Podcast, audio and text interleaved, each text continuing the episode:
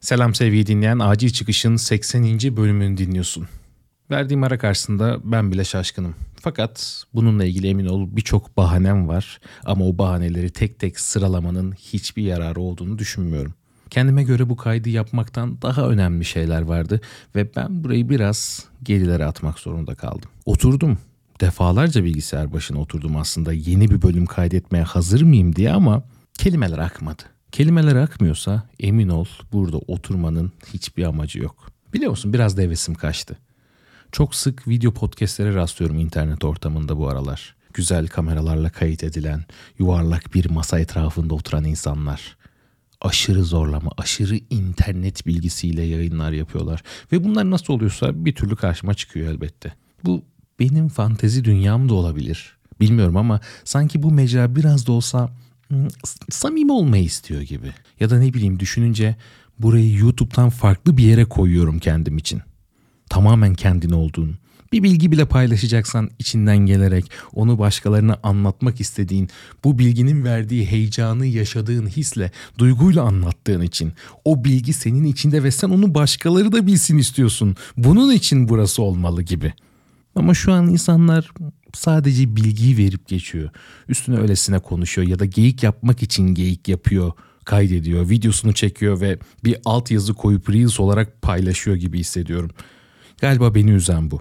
Elbette bu yanlış değildir. Bunların da birçok dinleyicisi, seveni var ama podcast'in yeni bir YouTube olma yolunda olması sanırım benim hoşuma gitmedi. Tabii dediğim gibi bu da benim sorunum sevgili dinleyen. Bu ara hayat kesinlikle planlar açısından benim yanımda değil.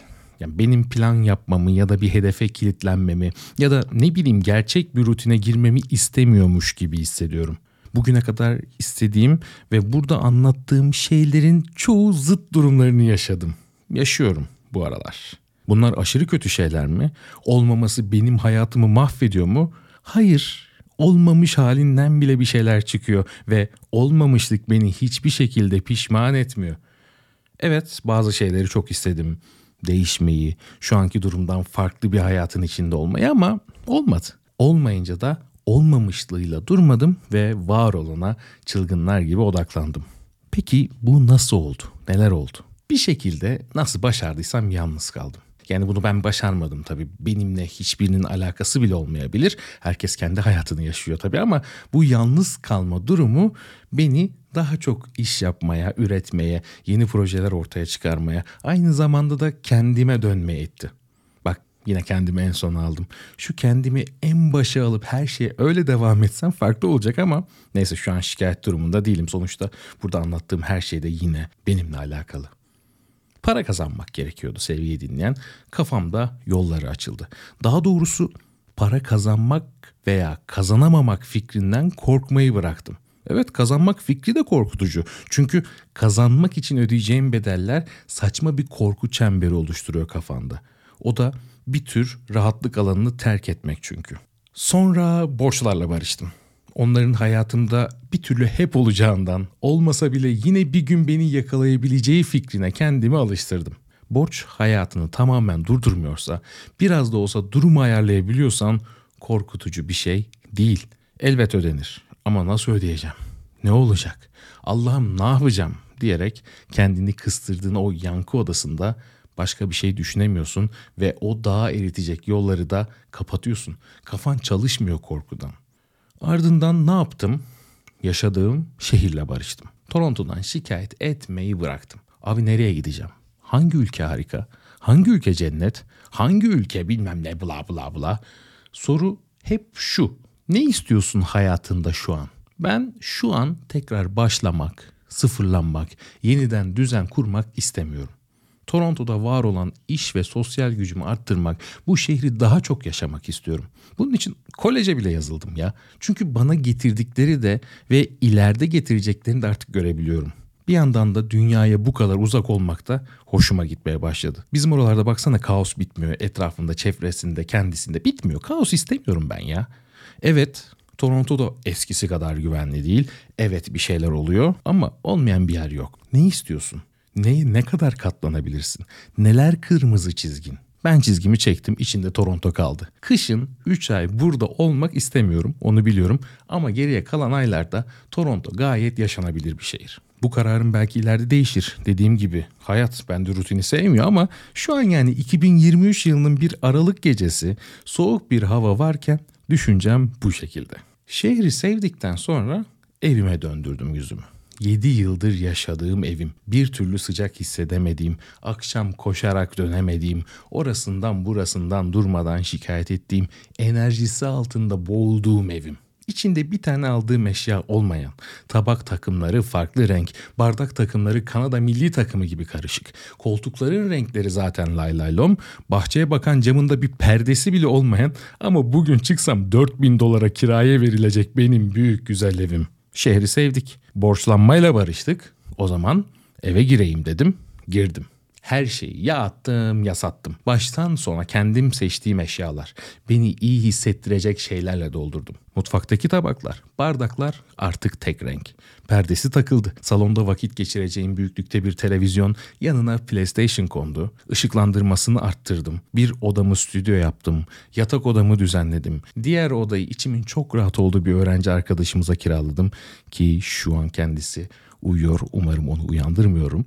Ama ne oldu? Sonuç ne mi? Şöyle anlatayım sevgili dinleyen. Geçen gün çok sevdiğim Vancouver'daydım. Hem çekim hem yapacağımız parti için. Normalde oradan hayatta dönmek istemem. Uzatırım tatilimi. Yine uzattım ama işler yetişmedi diye. Bu süreçte de ne oldu biliyor musun? Evimi özledim ya. İlk kez 7 yıllık Kanada maceramda ilk kez evimi özledim. Salonda kanepeye uzanmayı, bir film açmayı hayal ettim ya. Bu duygu da içime yerleştiğinde ah dedim be. Aha işte oldu bu iş. İşte bu şekilde dört nala içimde bir mutluluk, heyecan kıpırtısı günler içinde koşuyordum.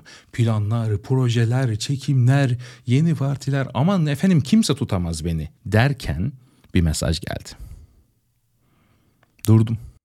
Hani aniden durursun ya, toz toprağa karışır, zaman yavaşlar, derin nefes alırsın. Ben de öyle durdum bu koşma içinde. Yakın zamanda ya daha yakın zamanda Avrupa'ya yerleşmiş. 2-3 hafta önce evlenmiş. Defalarca bu evde aynı sofraya oturduğumuz. Hatta evimin duvarlarını boyamış. Bu konuda bana yardım etmiş. Anısı bende çok fazla olan bir arkadaşım. Onurum artık bu hayatın konuklarından biri değilmiş. Gitmiş. Öyle yazıyordu mesajda. Biliyor musun insanın bir kafası gidiyor bütün anıları dosyalardan çıkarıyor ve sana izletmeye başlıyor. Anlam vermekte zorlanıyorsun ki ben ölümle barışık bir adamım. Ölüm beni etkilemez diye düşünüyordum hep ama ölümün o soğuk nefesi, hayatın en büyük gerçeği kendini böyle hatırlatınca, anılarına nüfuz edince o duygular, o düşünceler birbirine giriyor. Sonra insanın ne kadar bencil bir varlık olduğunu idrak ediyorsun. Çünkü giden gidiyor ve sen kendinle baş başasın hemen kendini, hayatını sorgulamaya başlıyorsun. Nereye koşuyorum? Ne yapıyorum? Bu geçici hayatta kimlerin kalbini kırıyorum ya da kırıyor muyum? Her şey bir yandan çok anlamsız gelirken bir yandan da aşırı anlamlı oluyor. Zaten orada bir tercih başlıyor.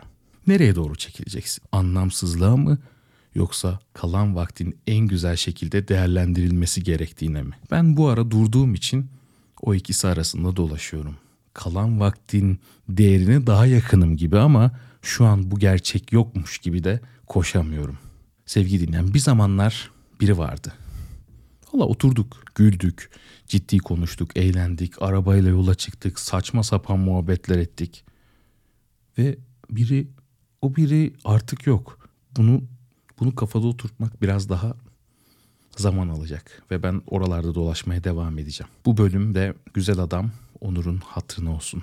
Koşarken ya da koşmuyorken kafana taktığın şeyleri bir kez daha önüne koy. Bu da sana bir hatırlatıcı olsun. Hoşçakal sevgili dinleyen. Başka bir bölümde görüşürüz.